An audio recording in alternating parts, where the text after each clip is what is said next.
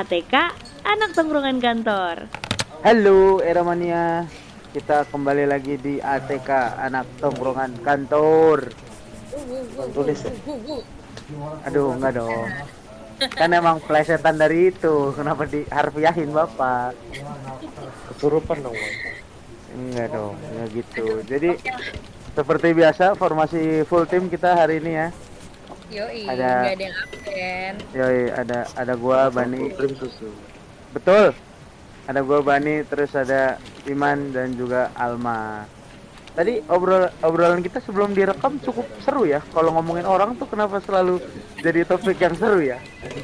Karena nggak afdol. Kalau misalnya lo nongkrong Iya nggak lagi. gibah tuh nggak afdol cuy. Iya. Berawal dari kalimat eh tahu nggak si ini nih gitu. Iya. Tahu gak? Gue sih nggak maksud ya. Eh, iya iya iya lagi. Kok bisa? Gue Kok gue seorang sih nggak mau. iman, seorang iman gibah ya? Gue sih nggak maksud tapi lu tahu nggak kelakuan si ini nih? Iya sih Lo tahu benar. gak? Itu lebih emang gibahan kalian ya daripada gue ya. Harusnya kan yang julid gue nih. Kenapa Ya, gimana ya kebutuhan ini ya manusia sandang pangan papan gosip nggak ada enggak nggak jangan jangan jangan Ada Apa ada ya, gosip ya. Iya, Jadi jangan. gimana percakapan percakapan kita tuh sebelum di record tuh apa sih sebenarnya? iya selain ngomongin orang nih kita melihat sesuatu yang seru sebenarnya sih dari 2020 nih era mania mungkin uh, beberapa era mania juga notice uh, apa ya jadi kultur ya salah bisa dibilang hal ini nih uh, jadi Biasa kultur ya. Mm-mm, karena kan ya kita tahu pandemi terus kitanya juga jadi nggak bisa keluar rumah entah itu sekedar bertemu teman-teman atau nongkrong atau yang lain gitu. Jadinya internet is our happy places. Jadi kayak kita mencurahkan isi hati di sana terus juga cari hiburan di sana. Tapi makin ke sini kok dilihat internetnya jadi serem ya. Kenapa tuh? Ada hantu-hantunya atau ada enggak. gitu? seremnya dalam artian kok ada apa eh, pelan-pelan ada teka-teki yang mulai terkuak kayak entah itu skandal entah itu kelakuan kelakuan buruk manusia yang kita anggap eh, apa ya public figure lah bisa dibilang gitu. Karena kalau public figure kan kalau punya citra jelek eh, kadang gimana gitu rasanya. Tapi semenjak pandemi tadi itu tuh jadi keluar movement yang namanya cancel culture. Sebenarnya udah udah udah cukup lama gak sih mak Udah. tadi lu cerita sama gua Sebenarnya cancel dari- culture tuh udah lama Ah. ya. Nah, mungkin gue tambahin dikit nih kenapa sih sebenarnya Ya. kita cancel culture gitu di, ta- eh, di tahun baru ini gitu kan. Itu Ya. sebenarnya 2020, 2021 sampai belibet gue ngomongnya 2021 ini banyak banget orang-orang gitu kan. Terus habis itu sampai ke institusi pemerintah tuh yang Ah, akhirnya iya, nge-expose iya, iya. gitu apa aja yang Betul. dilakukan gitu sampai-sampai trending di social media kayak gitu ya balik lagi lah ya. Tadi sebenarnya cancel culture tuh sebenarnya udah lama. Yang Hmm. namanya cancel culture tuh sejarahnya sebenarnya panjang. Dari tahun tuh 1991 kalau misalnya. Busheng nah iya. Misalnya Belum lahir, Bang. tahu. iya gua juga belum lahir lagi man. Eh belum. Itu gue direncanain aja belum tuh 1991 iya benar. Benar benar. Nah, iya. Jadi eh, for your information nih teman-teman. Gue udah baca juga sih jadi eh, dimulai itu dari 1991 nah ini tuh frasa jadi dimulai itu dari frasa bahasa gaulnya Cina namanya tuh Renro Soso kayak gitu. Nah ini correct me if I'm wrong ya pronunciation gue gue nggak bisa bahasa eh, China cuman dari bahasa gaul Renro Soso atau yang artinya tuh human flesh search kalau di bahasa Indonesia tuh nyari orang lah kayak gitu nah dulu tuh oh Ah, jadi dulu tuh eh, nyari orang tuh ada ininya ada trennya dulu di tahun 91. Nah, itu Hmm. tuh eh, Renro Soso ini adalah langkah kolektif orang-orang China dulu eh, untuk pertama kali di internet. Jadi pertama kali ada internet tuh di tahun 90-an di China itu Hmm. digunakan untuk mencari orang di online maupun juga offline. Jadi caranya tuh kolektif online dan juga offline untuk nyari Waduh. koruptor. Dulu tuh koruptor oh nyari datanya. Apa tuh? Iya koruptor yang didoksin. Ah, ah, di doxing. Jadi nyari nyari data-datanya si koruptor ini, bukan koruptor doang sih sebenarnya yang disangka koruptor gitu ya. Jadi Hmm. cari nih datanya sama orang-orang China dulu. Dicari, dicari sampai akhirnya dapat, akhirnya nanti akan diekspos nih sama orang-orang China di sana sampai akhirnya diekspos konsekuensinya adalah itu orang itu yang ketahuan ternyata dia koruptor itu akan Iya. Dikucilkan atau bahkan dikeluarkan dari komunitas komunitas itu dalam artian negara ya Oh, oh ya, masyarakat, masyarakat. Dikucilkan di masyarakat gitu bahkan juga bisa dipersekusi gitu ke polisi Aduh, Kayak gitu. juga sampai sana ya. Hmm, Tapi emangnya, hmm. tapi emangnya sih gue, gue pernah dengar dari eh, tante gue kan belajar studi soal China juga, tapi memang mereka seketat itu soal korupsi. Jadi Ya, ya, benar. makanya persekusinya juga se seniat ini mungkin bisa dibilang gitu. Betul, dan ini bukan cuman kayak misalnya ya kalau mungkin di Indonesia hal-hal yang kayak begini tuh lo dibayar gitu ya untuk nyari. Cuman kalau ini nggak dibayar jadi kayak masyarakatnya pun juga ikut nyari sukarela untuk eh, ikut tren and so, eh, so-so ini kayak gitu. Nah itulah dibentuk akhirnya yang namanya cancel culture atau call out culture. Jadi sebenarnya bahasa cancel itu tuh belum ada di 91 cuman em, gerakannya itu udah ada dari tahun 91 sampai akhirnya di tahun 91 itu berkembang ke tahun 2014 kayak gitu. Nah, da- 2014 itu udah ada social media lah ya. Udah ada social media, udah ada udah ada Twitter dan lain sebagainya. Nah, cancel culture ini tuh akhirnya kembali besar lagi. Maksudnya uh, call out culture ini kembali besar lagi tuh di tahun 2014 dari movement namanya tuh Me Too. Me Too itu adalah movement bukan ini ya, bukan tisu basah ya. Waduh. gue baru mau bilang. Tisu basah ya. Me Too movement ini adalah movement pertama orang-orang yang uh, pernah terkena sexual harassment korban Tahu. dari Oh, sexual gitu. harassment. Nah akhirnya terbentuklah call out culture di em, di era modern kayak gitu. Nah dari sana tuh eh, orang-orang tuh berkumpul untuk nyeritain kayak apa aja sih yang udah dialamin kayak gitu dan juga eh, banyak juga yang nge-expose siapa predatornya kayak gitu. Nah akhirnya dari call out call out eh sorry dari Me Too movement itu akhirnya eh, terbentuklah call out culture di era modern. Nah, ah, karena terbe- udah terbentuk call out culture itu seiring berkembangnya uh, waktu juga di tahun 2014, akhirnya ada juga uh, nama cancel cancel your cancel ini gitu. Jadi terbentuklah nama cancel Ah, dari itu, situ ya. Nah, dari call out call out culture dari Me Too movement ini akhirnya terbentuklah juga nih yang namanya cancel your cancel. Nah, itu di namanya itu dipopulerkan istilah your cancel itu dipopulerkan di salah satu reality show namanya Love and Hip Hop kayak gitu. Nah, itu juga uh, awalnya itu sebenarnya bercandaan cuman sama kayak apa ya namanya? sama kayak Me Too movement jadi dia nge-call out orang. Nah, dipakailah istilah your cancel kayak gitu di Love and Hip Hop ini kayak gitu.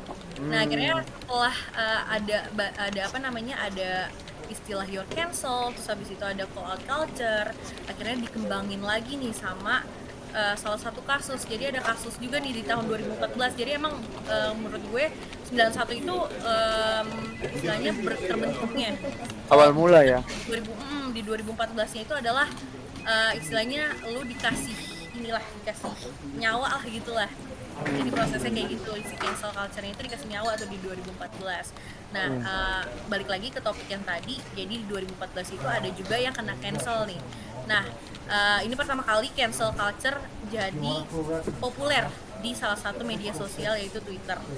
Nah, ini kasusnya tuh karena ada salah satu media namanya uh, The Colbert, The Colbert yang Hmm. ngebentuk opini negatif soal komunitas Asia di Amerika. Gitu. Ah, Nah, akhirnya ada nih salah satu aktivis yang bikin tren cancel Colbert. Nah, itu trending tuh di Twitter di tahun 2014. Kayak gitu. Nah, akhirnya masuk ke sosial media karena si salah satu aktivis ini yang cancel Colbert ini di Colbert eh, The Colbert, salah satu media di Amerika. Akhirnya karena 2014 itu udah rame nih cancel-cancelan gitu hashtag cancel. Di 2015 ini lebih digaungkan lagi nih di black community Twitter. Nah, karena oh, black people itu punya banyak banget ini ya banyak banget uh, impact gitu ke social media sekarang. Nah salah satunya adalah cancel ini. Nah ini yang bikin booming banget itu karena ada di black community kan banyak banget ya uh, apa namanya kasus-kasus di tahun 2015 yang diangkat itu dari personal sampai ke uh, ras kayak gitu di 2015 akhirnya di populer dipopulerkan lah tuh di tahun 2015 sampai akhirnya ke 2021 nah eh, di 2019 2020 2020 2021 itu adalah tiga tahun tiga tahun yang menurut gue tahun-tahunnya orang-orang pada di cancel dan orang-orang berani speak up kayak gitu Iya sih, iya. Internet terutama di 2020 dan 2021 Ya. kayak gitu jadi sejarahnya Menjadikan panjang tuh Heeh, sejarahnya panjang sampai akhir ke akhirnya kita tahu cancel culture yang sekarang tuh kayak gitu Nah, itu dia era era mania dari 1991. Sampai Emang ke panjang. sekarang. Bukan mungkin kalau buat gue juga kayak yang kurang tahu ya karena kan emang ini baru booming sekarang-sekarang ya. Terlebih di 2021. Kayak ini apaan sih cancel cancel gitu. Gue juga awalnya gitu kayak Sekarang di cancel bang ya. Ya acara juga karena kan pandemi gitu. Cuman ini kan lebih ke eh, artis atau toko gitu. Apalagi ya yang kita lihat fenomena di 2021 nih banyak juga ternyata yang kena gitu. Mulai dari eh, artis, in- institusi pemerintahan gitu-gitu deh pokoknya banyak terus juga tadi eh, nyambung ke yang lu bilang soal A- Asia tadi kan orang Asia yang kena Eh, kemarin juga sempat ramai juga gitu setelah BLM yang beberapa waktu lalu juga sempat ramai kan yang aksi ya aksi koboi itulah pokoknya pasti pada tahu juga gitu nah terus udah gitu ternyata pas kita lihat-lihat lagi itu banyak juga era mania artis yang kena ya iya ada- di 2021 ya banyak Heeh. banget ada kalau misalnya lo tahu ini mungkin dari internasional dulu ya ini ada J.K. Iya. Rowling yang nulis Harry Potter tuh dia pernah di cancel di tahun 2021 bahkan sampai sekarang dia tuh katanya penurunan eh, penjualan Harry buku Harry Potter tuh sampai turun drastis karena dia tuh homofobik gitu dia pernah em, lebih tepatnya tuh ke trans- oh transgender Ramania jadi yang eh, merubah identitas dari perempuan menjadi laki-laki atau sebaliknya transgender itu dia eh, transfobik jadi benar-benar di cancel tuh di Twitter rame banget tuh si J.K. Rowling Iya, padahal dia nih baru uh, setahu gue uh, update sedikit ya soal J.K. Rowling. Itu tuh uh, dia mau launching anniversary ke-20-nya dari Harry Potter kalau nggak salah. iya benar Harusnya awal awal tahun depan ya, Man ya? Kalau nggak Iya, salah. uh, uh, uh. tapi itu dia masih nama namanya masih ada bad blood gitu sama Nah, LGBT padahal banyak banget Iya. eh, yang pendukungnya dia lah dari sana kayak gitu maksudnya yang suka sama Iya. Harry Potter akhirnya Uh-uh. turun drastis tuh di cancel di 2021 tuh lalu lalu Terus ada ada Ellen DeGeneres kalau misalnya lo tahu Ellen tuh dia salah satu host di apa namanya ada Ellen Show tuh. Dia Iya. banget. Jadi ternyata dia tuh diekspos juga nih di 2021 dia diekspos sama bukan hanya fansnya tapi juga sama staff-staffnya juga yang di The Ellen Oh Show. iya. Ya ternyata si Ellen ini tuh nggak sebaik yang ada di depan TV. layar TV Ah. gitu. Jadi dia tuh ternyata orangnya te- eh, sombong terus kasar sama staff-staffnya dan lain sebagainya. Dan akhirnya diekspos lah sama staffnya. Akhirnya eh, di Ellen Show ini sempat vakum beberapa bulan sampai akhirnya dia keluarin statement kalau misalnya semuanya itu ada yang benar ada yang enggak. Sampai sekarang sih sebenarnya udah jalan lagi di Ellen Show cuman namanya Ellen tuh sampai sekarang jadi jelek banget. Jadi kayak Ah, iya iya. karena impact cancel culture tuh untuk dia gitu loh Mm-mm. terus si artis dua yang dua yang gede yang gue kaget gitu loh kalau dari internasional ya Iya, Gue iya. kaget banget gitu bisa di cancel di 2021 padahal lagi naik naiknya tuh Iya. mereka ininya apa namanya karirnya kayak gitu terus kalau misalnya mungkin kalau dari dalam negeri ya itu ada kalau yang gue ikutin banget itu ada Michelle Halim kalau lo inget Hmm. Michelle Halim itu salah satu influencer. Kalau dulu tuh dia Michelle Halim itu dia pernah ngomongin soal em, dia yang bro- broken home, habis itu Ah, dia iya, ngedukung banget uh, body positivity segala macam. Tapi akhirnya dia kena cancel di 2021 karena dia body shaming uh, artis-artis, oh, bukan artis ya, model-model Victoria's Secret. Jadi kan Oh, yang Victoria's Secret ya ya ya tahu gue tahu. tahu. kalau misalnya Ramania inget nih yang waktu kalau Victoria's Secret kan tahun ini rebranding nih jadi lebih kayak model-modelnya tuh dari semua body shapes warna Iya. kulit itu ada diadain gitu di Victoria's Secret nah si Iya. Halim ini ngerasa kayak kok jadi kayak gini jadi jelek-jelek banget ah. model-modelnya Literally Padahal ngomong jelek dia Iya, padahal kalau dulu kita lihat kayak Victoria's Secret tuh harusnya kayak apa model-model kayak Adriana Adri- Adriana 5 ya kan, Adriana 5 gitu. Apa? Siapa yang dari Jer- Jerman tuh? Giselle Bunchen, wes sampai hafal gua. gitu. Iya kan?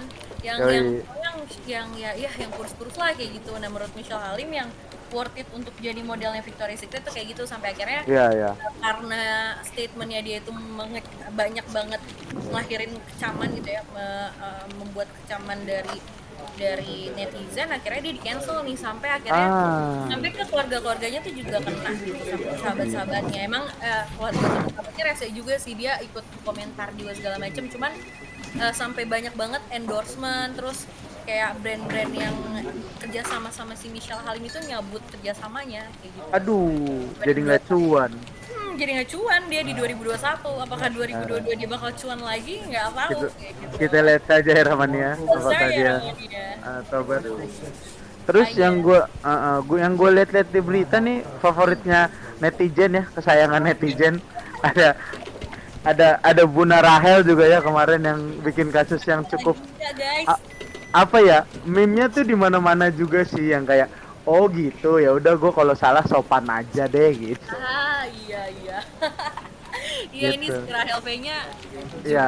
lagi di cancel banget di 2021 sepanjang berapa bulan terakhir ya Rahel V-nya tuh di cancel. tiga bulanan eh dua Bulan. bulanan dua Iya, dua tiga bulan. bulanan kemarin Ya. Desember juga dia masih ada berita masih iya masih dihujat sama banyak netizen. Iya. Kalau misalnya lo lupa nih ya Ramania Rahel V-nya nih di cancel karena dia nggak meratuin protokol mer- meratuin nggak mer- mematuhi menerapkan nah karena saking semangatnya nih nggak mematuhi eh, protokol kekarantinaan setelah dari luar negeri ya dia cuma beberapa hari nggak nyampe Iya.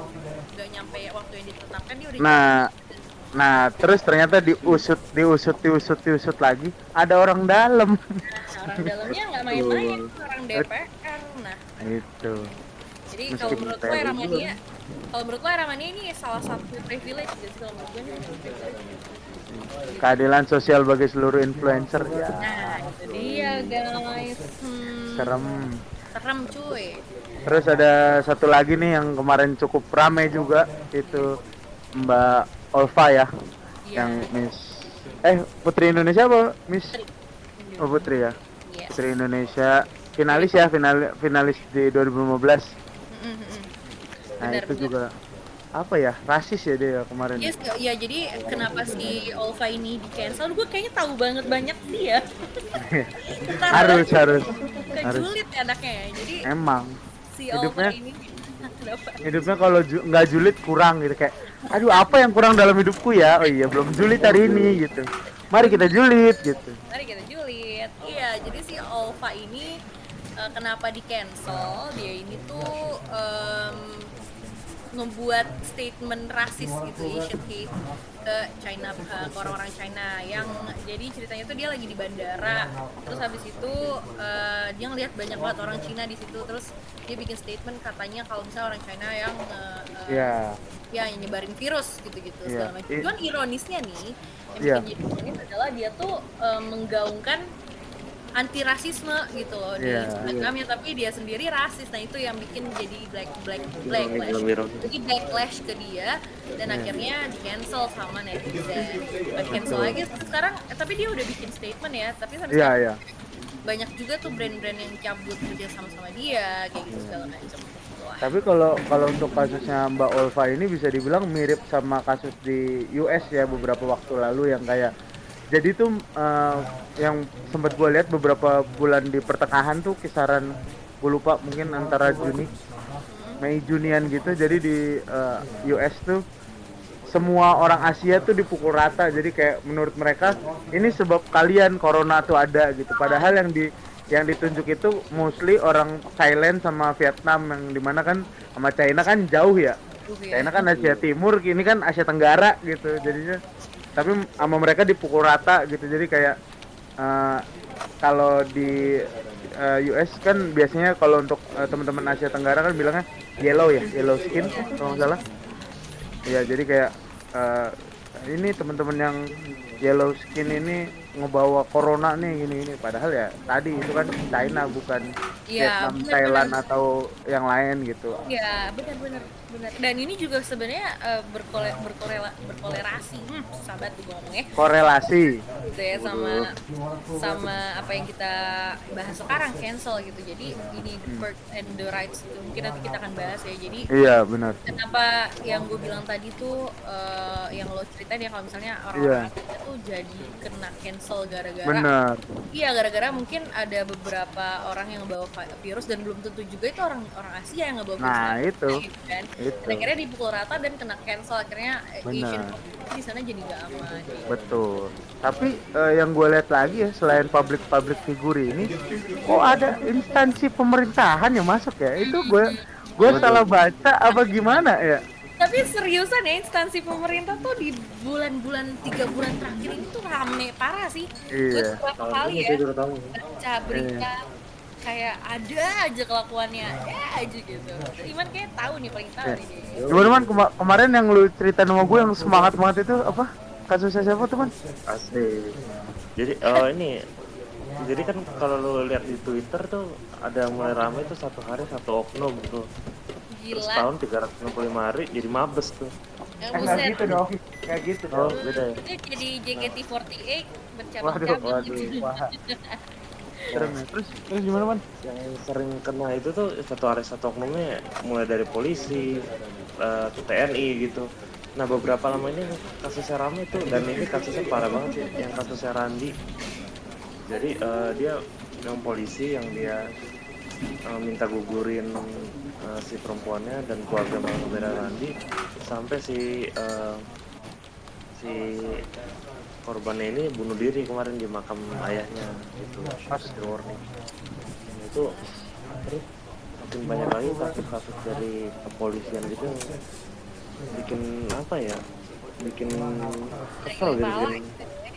Oh, tiap hari ada satu orang gitu kan. Nah, satu hari satu oknum gitu kan dari apa namanya kayak kemarin belum lama ada yang disuruh apa namanya yang lapor suruh ngejar sendiri ada yang iya iya. dibentalin gitu-gitu terus ada yang bahkan yang tadi yang sekarang kayaknya tuh ya ada yang itu kan tadi apa namanya ada yang ngebantu dari TNI-nya terus pokoknya tiap hari tuh banyak tuh apa kaum kaum halode halode itu tuh yang kalau yang kena, kena cancel gitu kan. Dari- gua. Iya kan? Lanjut Oh, lanjut lanjut. Lanjut lanjut lanjut. Oh, nah iya jadi eh, institusi, institusi pemerintah juga banyak. Terus yang KPK KPI. KPI itu yang gara-gara kasus MS Tapi itu parah banget kan. Korbannya malah yang dinonaktifkan kan. Iya. Betul. Sebenarnya sekarang semuanya sih cuman ya eh, cuman kayak korbannya kan ditolongin. iya kayak lebih kurang memihak korban sih intinya gitu. Kemudian KPK juga gara-gara eh, apa kasus tes wawasan kebangsaan kan tuh ah iya itu juga tuh. Yang 58 orang itu di iya iya.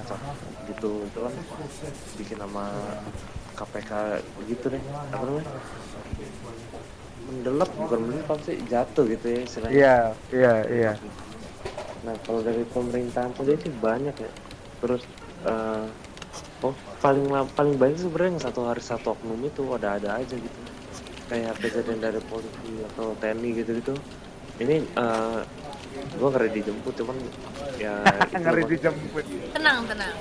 ngeri dijemput kata ada UPR aja kalau emang mau- gimana ya maksudnya kalau emang nggak mau di cancel atau nggak mau namanya buruk gitu ya ya perbaikin gitu sistematis dari dalam masalahnya betul. nyampe tiap hari tuh ada mulu gitu Hmm. pelecehan mulai dari organ pemerintah terutama polisi sih yang kasus itu kan parah banget dan kasusnya polisi tuh bukan kayak itu aja karena yang lagi dikritisin tuh kenapa harus viral dulu harus di cancel dulu Harus rame ditindak. baru iya baru gerak gitu ditindak. Iya, itu yang jadi pertanyaan banyak orang ya. Makanya itu penting tuh sebenarnya cancel culture untuk institusi pemerintah. waduh serem sih sebenarnya Harus di cancel Ada lagi dulu nih, Pak. Aduh. iya Aduh. nah belum lama tuh Iya. Belum lama tadi eh, ada sebenarnya nggak terlalu ini ya pemerintahan cuman eh, masih ada sangkut pautnya. Jadi eh, dulu kemarin tuh gua bikin konten di era tuh. 88% pelaku kekerasan seksual terhadap anak adalah guru. Nah itu sempat oh my god. rame gitu di era dan itu kan langsung pada Iya itu sih. terus kasusnya ini nggak na- nggak ini ya cuman dia di, di bawah Kementerian Agama dulu kan dia bikin pesantren yang Heri Wirawan itu Ya, itu juga sih. Itu- gila sih. dia Bukan dia- orang itu. Itu bukan orang. itu karena ke cancel juga itu akhirnya semuanya semua Iya. semuanya post tuh apa yang dilakuin kan. Itu set, setan kalau lewat depan dia setan sungkem tau. Weh, Hmm, misi bos gitu. Iya. Misi bos gitu. Serem itu orang. Terus eh, ini yang lagi ramai di era sekarang ya sih promosi dikit Ya. ya ya dong boleh Ya. dong yang itu jadi em, ini nggak terlalu ke pemerintahan banget cuman kasusnya kurang lebih sama ya Banyak, eh, Itu. jadi ada orang 25 tahun laki-laki nah dia tuh diduga terkena HIV AIDS gitu kan Ah, Nah, itu. itu. Ah, bikin apa ya kayak pedofil ke anak SMP umur 15 tahun 16 tahun. Itu modusnya eh, dia pakai foto perempuan gitu foto palsu. Hmm. nah di foto ini pakai apa namanya alat kelamin diajak ketemuan. Nah kalau nggak mau ketemuan tuh eh, diancam revenge porn gitu di dibarin gitu. Aduh, gitu sih serem ya. dan ini lagi ramai sih di era gitu. Mm-mm. hmm, gila dan kalau nggak salah ini trending juga kan di Twitter ya Iya. gitu Hmm. sampai kalau nggak salah tuh dia sampai dicari juga rumahnya sama netizen rumah sampai sekolah sekolahnya netizen tuh kalau udah udah nge-cancel suatu hal itu dia dicari sampai akar akarnya cuy sampai keluarga keluarga cari Bener. Bener. Tapi emang harus harus gitu sih demi menimbulkan efek jerah ya. Mm-mm. Tapi eh, ternyata mungkin fenomena ini bisa dibilang rata kali ya. Rata kayak bukan cuman di eh, negara barat atau di eh, Asia doang gitu loh. Ini juga gua nggak tahu sih menempatkan ini apa harusnya dia masuk Asia sih sebenarnya. Cuman kayaknya kalau untuk eh, fansep sendiri tuh merasa cukup tinggi ya. Kalau kita bahas K-pop nih agak-agak sensitif sebenarnya. Cuman uh, gue agak singgung sedikit karena menurut gue cukup menarik karena kalau ini jatuhnya kejebak cancel culture ya. Jadi uh, ada uh, aktor drama Hometown Caca waktu itu namanya Oh, Kim iya. Sehon. oh iya Nah, itu itu sempat ramai juga di bulan-bulan September, Oktober karena kan itu baru baru banget selesai seriesnya terus namanya dia lagi naik-naiknya tiba-tiba muncullah se- se- seorang perempuan yang mengaku bahwa dia adalah mantan pacar si KSH itu atau Kim So Kim Sohun itu. Mhm. Terus udah gitu dia ngakunya udah dihamili oleh si KSH itu gitu. Oh, iya, iya, Tapi ternyata setelah diusut punya usut, iya. ternyata KSA-nya adalah korban karena perempuan ini sudah melakukan itu ke beberapa laki-laki lain. Ah, nah itu kat- eh, kalau seinget gue tuh si KSH ini sempet ini ya karirnya tuh sempet jatuh Iya. juga. Wah, Gara-gara bukan jat ya. bukan jatuh lagi, Pak. It- eh bukan jatuh lagi, Bu. Itu udah apa ya? Ya gitu. Iya, wah. Tapi karena itu eh, ada salah satu eh, media Korea yang emang berkecimpung di dunia investigasi itu dan memang bisa dibilang apa ya? Dia bisa dibilang love and hate relation sih sama masyarakat Koreanya sendiri karena menurut mereka di satu sisi eh, dia kadang bisa menolong seperti kasusnya Kim Sehun ini, tapi di sisi lain adalah kayak mereka kan manusia juga butuh privasi. Kok ya sampai dikorek segitunya gitu loh karena si oh ya nama medianya Dispatch by the way. Nah, si Dispatch ini tuh kalau punya bukti tuh sampai bener-bener file yang personal banget itu mereka bisa dapat. Oh, Iya, sam- buatannya sampai segitunya. kayaknya, itu dia eh, staff-staffnya tuh netizen deh. Mungkin. Karena emang uh, waktu ketika kasus Kim Sehun itu lagi naik-naiknya banget, mereka tuh sampai punya bukti kayak ini loh tanggal tanggal segini mereka kencan, tanggal segini mereka chatan kayak gini gitu. Sedetail itu.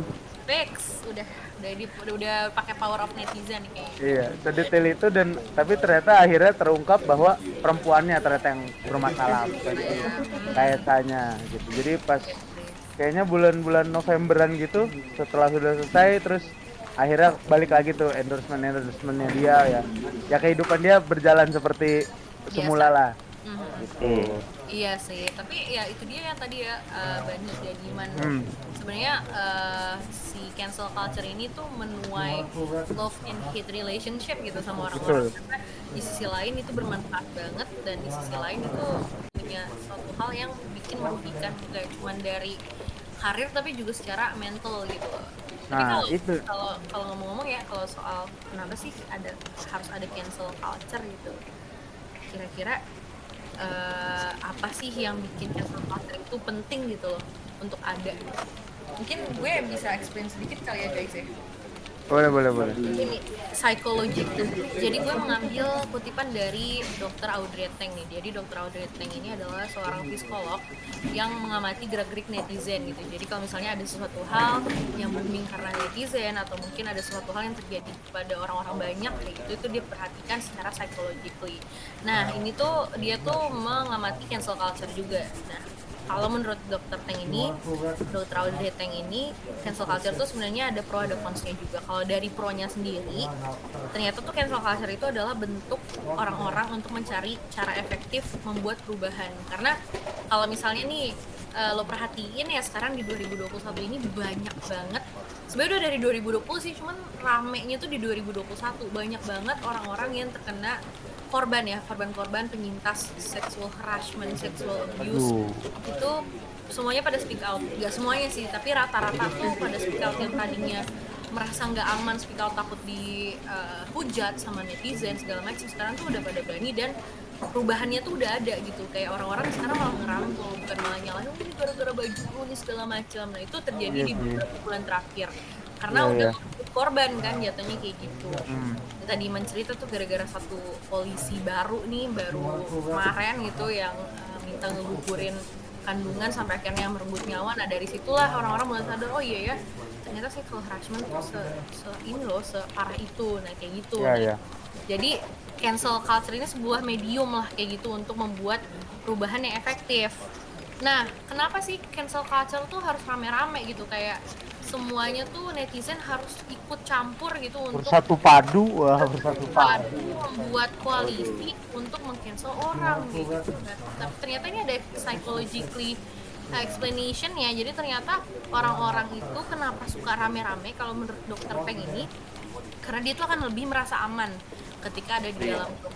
Mereka akan merasa lebih didengar gitu ketika ada di dalam grup. Jadi contohnya kayak balik lagi ya kayak ke uh, masalah seksual harassment tadi banyak banget orang-orang yang susah banget untuk speak out tapi sampai akhirnya dia ngelihat ada orang yang ngedukung dan ada orang yang nge- ngerasain yang sama nah itu dia punya rasa aman sendiri gitu oh gue punya temen nih gue ada temen-temennya nih gue gue ada di dalam grup gue belongs to uh, that group kayak gitu. Jadi mereka berani nih untuk speak out lagi untuk uh, ngebuka lagi nih apa yang telah dilaluin sama mereka sampai akhirnya ada solusi kayak gitu.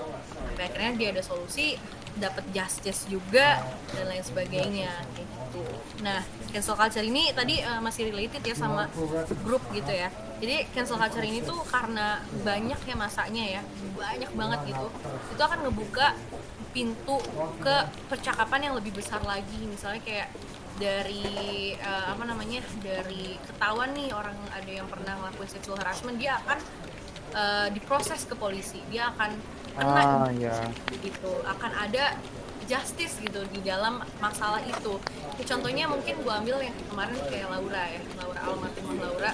Iya. yang punya tuh si Gaga ini tuh dia kagak ada justice sama sekali selama setahun belakangan eh, si Gaga ini ya udah berkeliaran aja. Sampai akhirnya di cancel si Laura ini Iya. minta justice minta dukungan sama netizen sampai si Gaga ini akhirnya di cancel dan akhirnya baru didengar nih sama polisi akhirnya ditangkap. Nah itu kan akhirnya dia dapetin justice tuh dia. Pas pas banget pas kemarin dia meninggal alhamdulillah udah dapet justice nih si Gaga ini. Jadi dia tenang gitu nah itu loh yang makanya eh, gue bilang dan dokter Teng bilang kalau misalnya cancel culture itu dibutuhkan untuk mendapatkan suatu perubahan yang secara efektif dan secara cepat dan masif kayak gitu. gitu guys. Jadi psychologically Iya sih. seperti itu dan uh, lebih ke apa ya sistematisnya tuh begitu uh, era mania kayak gitu. Cuman ya itu tadi balik lagi kalau misalnya cancel culture tuh nggak selamanya baik ya ada buruknya juga ya man dari Iya dong. sisi buruknya gitu ya mungkin ya. Kan ada yang baik ada yang buruk gitu. Nah eh, kalau dari sebenarnya kalau sosmed itu sendiri kan mungkin berbeda dengan media massa pada zaman dulu ya. Kayak semua orang sekarang kayak punya suara semua orang bisa tampil semua orang bisa punya opini semua orang bisa punya panggung gitu tuh. Nah di Indonesia nggak tahu ya di luar apa gimana cuman di Indonesia tuh netizennya sekarang gampang cancel tapi gampang juga lupa gitu nah iya iya iya. dan itu kayak kayak sekarang Olva gitu netizen udah nggak itu kayak cuma ya? sehari dua hari udah nggak inget Bener. gitu mungkin Rahel kayaknya masih karena mungkin beritanya masih ada ya sampai sekarang Iya, masih iya, iya. Sama itu juga si eh, balik lagi tadi si Gaga karena masih apa persidangannya baru banget mulai kan. Mm-mm, benar benar benar baru masih ini ya masih fresh lah lagi Iya, Betul. betul. Nah, waktu itu eh Nyai Nikita Mirzani kan di cancel juga ya kalau nggak salah gara-gara yang Saiful Jamil gitu-gitu kan. oh iya Terus tiba-tiba dia belain eh almarhumah Vanessa Angel dia tiba-tiba jadi punya panggung lagi. Orang yang tadinya benci dapat itu balik lagi gitu. gampang ini ya gampang berubah gitu ya netizen Tadi Dan- karena ah, karena lu mention Nikit karena lu mention Nikita gue juga ingat si salah satu apa ya influencer sekaligus penyiar radio sih si Bang Gofar ya Gofar Hilman juga Oh, kena iya, juga tuh kemarin. Ya dan dan itu bisa dibilang kan itu salah satu apa ya kalau menurut gua personal adalah uh, role model sih sebelum ada kasus ini gitu. Cuman sangat disayangkan bukan apa ya maksud gua kayak ya monggo diselesaikan lah gitu. Karena cukup berlarut-larut kan kasusnya dan kita pun Iya, ini nggak tahu selesai apa belum gitu nggak dilanjutin deh itu sampai sekarang orang dia tuh kan udah udah muncul lagi di TV Iya sih udah udah balik normal lagi cuman ya tadi bener bener kata Iman juga gampang gampang ke trigger tapi somehow gampang juga lupanya gitu kalau yang enggak se-impactful itu. Mungkin kalau Gaga ya kalau dilihat secara hati nurani dan manusiawi sih nggak ada sih bisa dibilang. Karena kayak Nah, udah udah dia yang nabrak dia yang eh, rusuh lah pokoknya lah. Kesal juga sih ceritanya gitu. Kasihan sebenarnya.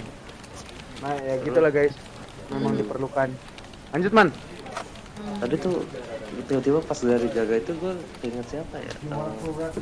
Eh, ini si Randy aja sekarang mungkin orang udah lupa ya kasusnya. udah ya walaupun dia dicopot udah lah agak ya. melandai sih. Iya. Udah melandai. Orang baca karena tiap hari ada satu hari satu oknum itu kan. Iya. Terus em, mungkin eh, mungkin nih kasus kayak yang K-pop tadi tuh bang yang King Iya. apa namanya? Yang Kim Sehun Sehun. Nah, nah itu kan eh, manusia itu kan sebenarnya makhluk yang yang bakal berubah gitu suatu saat ya. Eh, karena perbuatan misalkan eh, karena kita berbuat salah 10 tahun lalu tiba-tiba kita bisa di cancel hari ini karena misalkan opini kita berseberangan tiba-tiba di cancel tuh misalkan tuh dua 10 tahun lalu gitu iya iya di SMP misalkan iya Eh, tiba-tiba ada orang ini disiu gitu Nah, tapi kan itu gua 10 tahun lalu gitu gua sekarang 2021 udah beda Udah. lah iya gitu terus Bener-bener. biasanya cancel culture itu berfokus sama misalkan ya kasus eh, yang tadi gua sebutin kan banyak Iya. kasus pelecehan seksual misalkan iya iya Nah itu kan eh, mostly orang akan ad hominem gitu, jadi objeknya berubah jadi subjek. Jadi Ah. fokusin tuh ke perilaku orangnya daripada apa yang eh, didampakin gitu ke orang korban gitu. iya bener-bener gue setuju. Sebenarnya nggak masalah, jadi korban tuh mungkin jadi punya solidaritas gitu, korban jadi punya punya Oh, power iya. gitu, korban punya tenaga, cuman di saat itu juga si korban kan butuh support.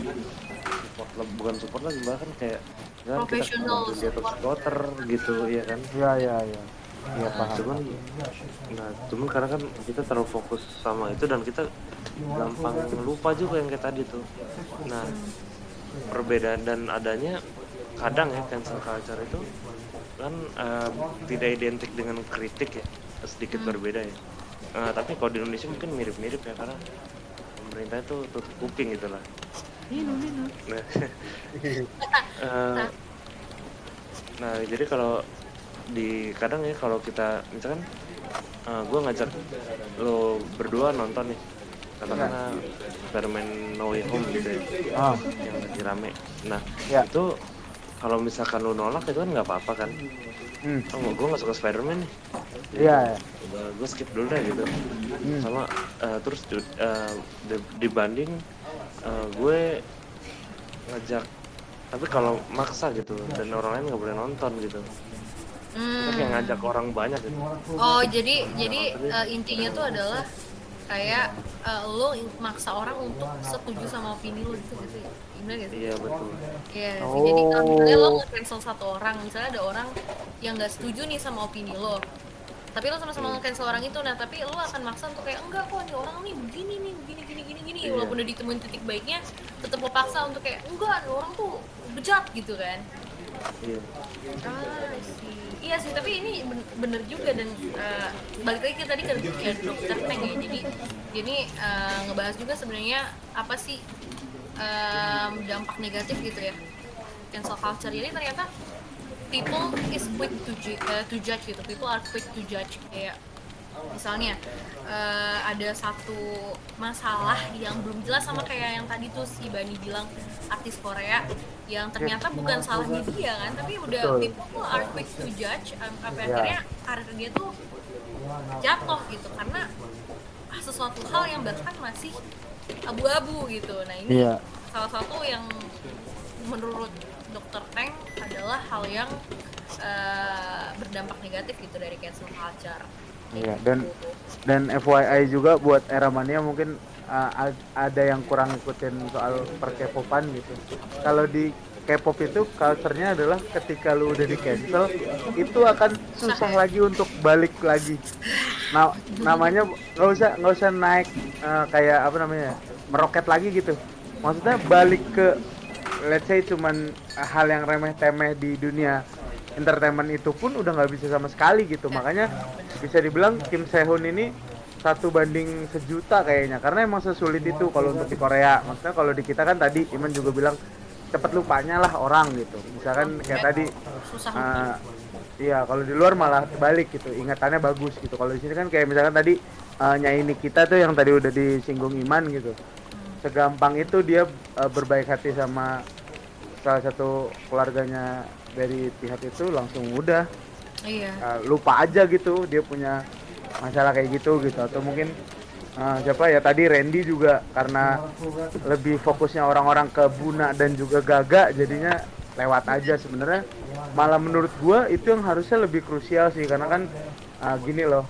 Mereka kan uh, mengayomi masyarakat mengayomi publik kalau kita aja nggak bisa percaya mereka harus percaya ke siapa gitu nah benar ya benar kan benar benar tapi iya benar iya kan benar bahkan sampai ada netizen bilang apa aku punya masalah ngadu sama polisi tidak ngadu sama Twitter gitu Iya betul.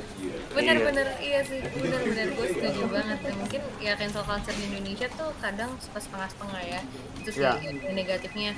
Kalau cancel culture di luar, cancelnya berkepanjangan. benar iya Jadi itu sih negatifnya adalah eh, kadang suka salah sasaran gitu netizen, suka salah sasaran dan juga suka fokusnya tuh suka ke lebih yang istilahnya mungkin enggak yang nggak menye-menye ya, cuman lebih ke sesuatu hal yang lebih bisa kita kesampingin dibanding hal yang lebih krusial gitu. Jadi ketika udah ini sih sebenarnya yang gue lihat adalah kenapa di Indonesia kurang cancel culture itu kurang berjalan adalah kurang kurang tepat lah sasarannya adalah ketika orang tuh lebih fokus ke kalau misalnya itu dia public figure gitu. Misalnya kayak iya iya nya gitu wah ini orang oh gitu kan.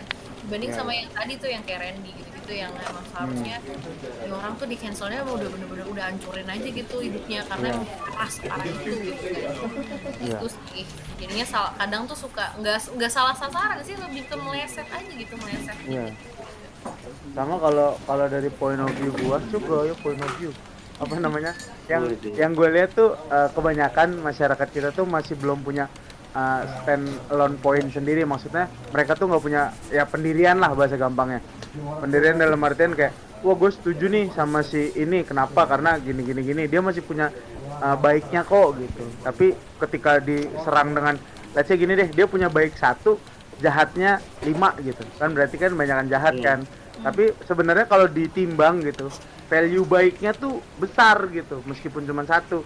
Tapi tadi karena banyak jadinya kalah gitu dan akhirnya jadi kayak udahlah nih salah nih gini gini gini gitu. Jadi ya tadi udah nggak bisa apa ya nggak punya stand alone sendiri gitu loh. Dan kemakan kemakan apa kemakan opini orang dan narasi yang jelek lah gitu. Iya, tapi itu nggak di Indonesia doang sebenarnya. iya sih benar benar. Hampir Oh, iya. mendunia rata-rata kayak gitu. Iya. tuh era mania bahayanya.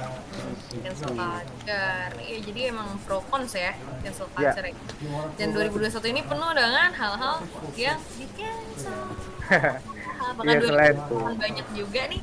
Kita yang lihat saja bung. Aduh tapi mungkin di kesempatan ini kita mau ngucapin selamat tahun baru. Iya itu juga. Semoga baru ya semoga di 2022 eh, cancel culture-nya semakin berkurang atau mungkin yang di cancel lebih kayak tadi ya apa ya namanya ya? Lebih eh, objektif lagi lebih objektif ya. Tadi kan kata Iman jadi malah jadi subjektif kan man tadi lu bilang. Iya tidak hominen ya. Benar ya benar tuh itu sih. Dan lebih apa? Kalau kata Alma lebih tepat sasaran. Weh. tapi jangan Keren. ada culture lagi deh semoga iya orang-orang baiknya sih gitu ya baik. Aknya baiknya enggak sih maksudnya gitu. tuh uh, oknum-oknumnya tuh sadar gitu jadi nggak usah ada yang Iya. udah kita damai aja gitu nggak usah Benar. rese deh ya lu bikin suatu hal yang ah gitu nggak usah deh. Ya kan tapi ntar nggak ada berita cuy jangan bener juga kita kan makan dari situ ya nggak apa-apa. Bener. Ya. Aduh jujur itu dia era mania obrolan kita untuk eh, ATK kali ini yaitu tentang cancel culture. Tadi udah dijelasin juga sejarahnya yang dari China itu ya yang dari tahun 91 ya. Tadi karena mencari koruptor tapi untungnya warganya bersatu padu jadi ketemu dan memang narasi awalnya dari situ mulanya. Tapi nama populernya itu di 2015 ya tadi ya di 2014 eh 14 sorry. 14 terus juga 15 sampai sekarang gitu. Terus juga tadi ada eh, beberapa public figure eh, juga yang terkena cancel culture di 2021 instansi pemerintah sayangnya. Tapi juga kejadian. Nah, dan juga eh, apa ya bisa dibilang pro dan kontra kenapa harus adanya itu sih cancel culture yang tadi kita obrolin hari ini. Gitu era mania. Ya mungkin ada, Mm-mm, mungkin ada yang setuju dan tidak setuju juga dengan kita apakah cancel itu perlukah ada atau baiknya nggak ada lah gitu. Mungkin bisa bisa, komen di below aduh di mana komennya? Di sosmed tadi. Sosmed Iya. era mania era mania sosmedera.id ya. Langsung aja Era.id. tuh opini beropini gitu kira-kira cancel culture tuh perlu gak sih atau Kelewat. mungkin ada ada kasus-kasus besar yang mungkin agak kelewat gitu tadi ya. ah, ah. boleh banget tuh era mania langsung dikasih tahu aja kita Tuh. oh betul betul boleh kan udah malam nih gimana ya iya nih. Ma, ma gue Betul ya. nelponin mulu nih kebiasaannya aduh Ntar dulu, ntar Nah, dulu, apa? kan di rumah masing-masing ya saya Ah, ah. lagi pengen skincarean. Nih. oh Jadi kayak ah. pamit duluan ya guys. Bye. Cabut era mania Bye bye. dadah Eranya podcast. Now is the era.